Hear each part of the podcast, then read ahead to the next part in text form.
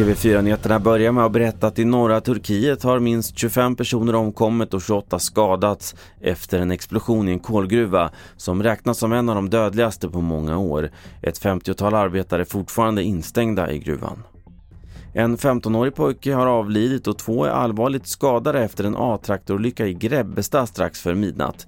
Räddningstjänsten uppger för Göteborgs-Posten att pojkarnas fordon har kört av vägen och sedan krockat med ett träd. Polisen utreder nu vårdslöshet i trafik.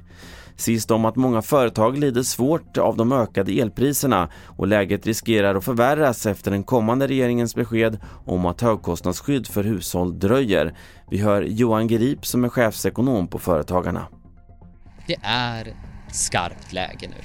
Varje dag räknas. Vi behöver besked och vi måste sänka företagens kostnader. Det spelar roll eh, om vi får besked imorgon eller den 15 november och vi behöver svaren direkt.